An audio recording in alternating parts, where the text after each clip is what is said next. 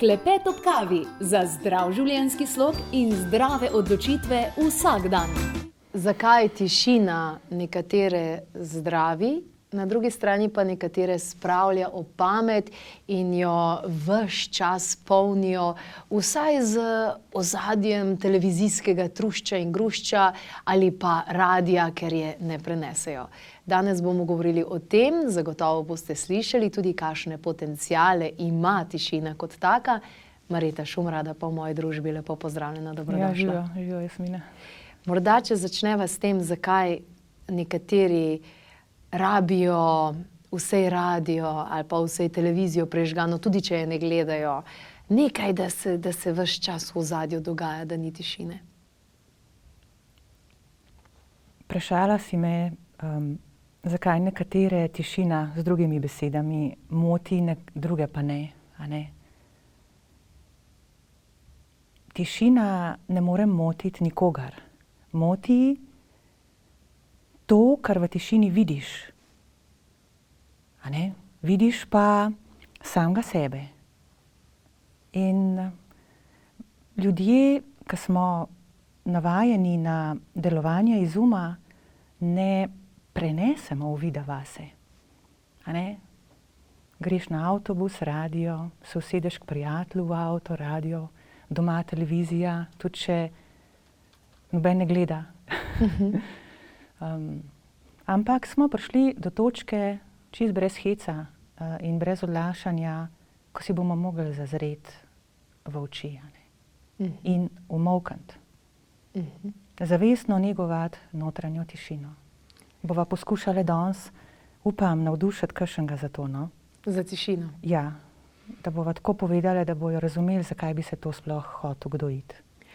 Ko začneš razmišljati o tem, ne, kako v bistvu vsta drmr vse čas, ne, to, te neki zvoki, taki in drugačni, koliko v bistvu motijo človeka, da ne sliši samega sebe, že skoraj da lahko prideš do sklepa neke mogoče celo teorije zarote, ne, da, da je to kot neko orodje, da smo mi oddaljeni od sebe, ker a, ne uživamo, ne uživamo več tišine v življenju. Zelo, lepo, zelo lepo si tole um, vprašala. Najboljš za naju bi bilo, da bi bile zdaj le deset minut tiha. Ne? To bi bilo in gledalci z nama, če bi to zdržali. ja. Vse imajo samo še kakih 699 drugih kanalov, tako da ja, verjamem, da bi bilo težko. Ampak zlo, ali kako bi temu rekel, hudo ali moteči dejavniki so nujni izzivalci uspavane zavesti, če bi temu tako rekel.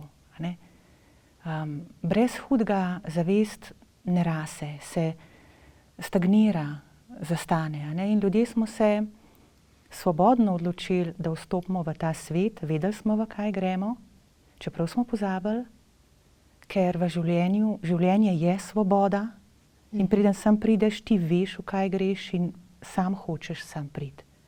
Z notranjo tišino se ti tega spomniš. Ti se spomniš, da si tukaj zato, da ljubiš, da, ker to ti si v resnici, ker življenje je dobrohotna, ljubeča sila in mi smo njeni otroci.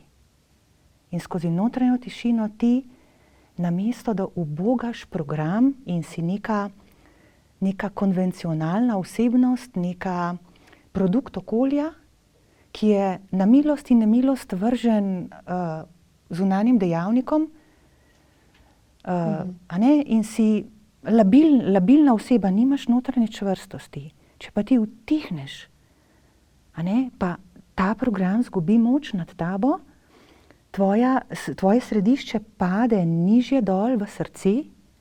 In tudi vaja, ki bi jo rada danes pokazala, je pravzaprav čist preprosta, da vse čas dihaš med lopatici, ne, da dihaš med lopatici, da ti gre zaznava skozi telo, ne skozi oči, skozi možgane, se takoj pretvori v nekaj drugega in popačeno doživljaš. Mhm.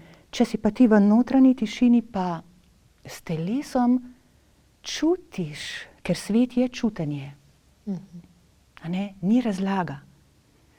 Um, potem postaneš pa resnično bitje. Ne, ker dokler si v glavi, si pač samo produkt okolja, nisi, nisi resničen, nisi prav za res. Mm -hmm. In tega se ljudje sprva seveda prestrašimo, ker ne, še enkoli nisi bil, bil. Klepet ob kavi.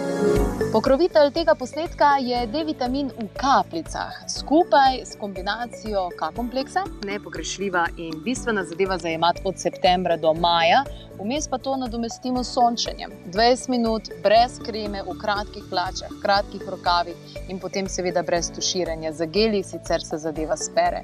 D-vitamin je ključen za zdravje in milijažen člankov si lahko preberete na to temo na klepetopkavi.js, pa točno tale D-vitamin, ki ga priporočamo. Klepet ob kavi. Sem dosti povedala. Bil, ker še nikoli nisi, nisi bil. bil Ampak to ni strašno, to je čudovito. Boji se um, ker um ti hoče strah odcepiti, zato ker bo nadzor nad tabo zgubil in te ustrahuje in ti ne pusti miru, ne da ti ga. Zdaj lahko poslušaš svoboden si.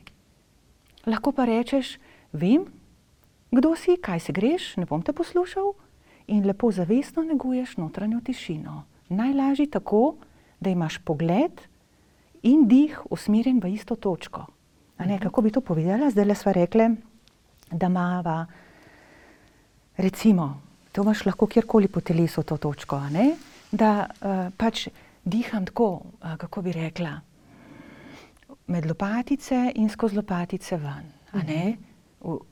Skozi uh, skoz je to valovanje. In tudi moja pozornost je v tej točki. Uh -huh. Uh -huh. Tudi zdaj, ko govorim, tudi ko hodim po cesti in to se treba natrenirati.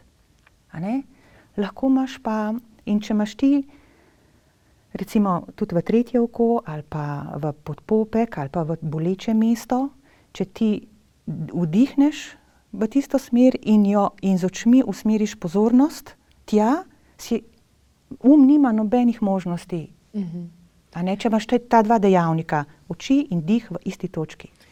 Pravijo, da je to tudi najboljša kombinacija protibolečinskega sredstva. Ker te nekaj boli z umom, hodiš stran, hodiš stran, vlečete nazaj sem. In če, se, ja. in če greš zares v to točko, mm, da neha mm, potem boleti. Ja.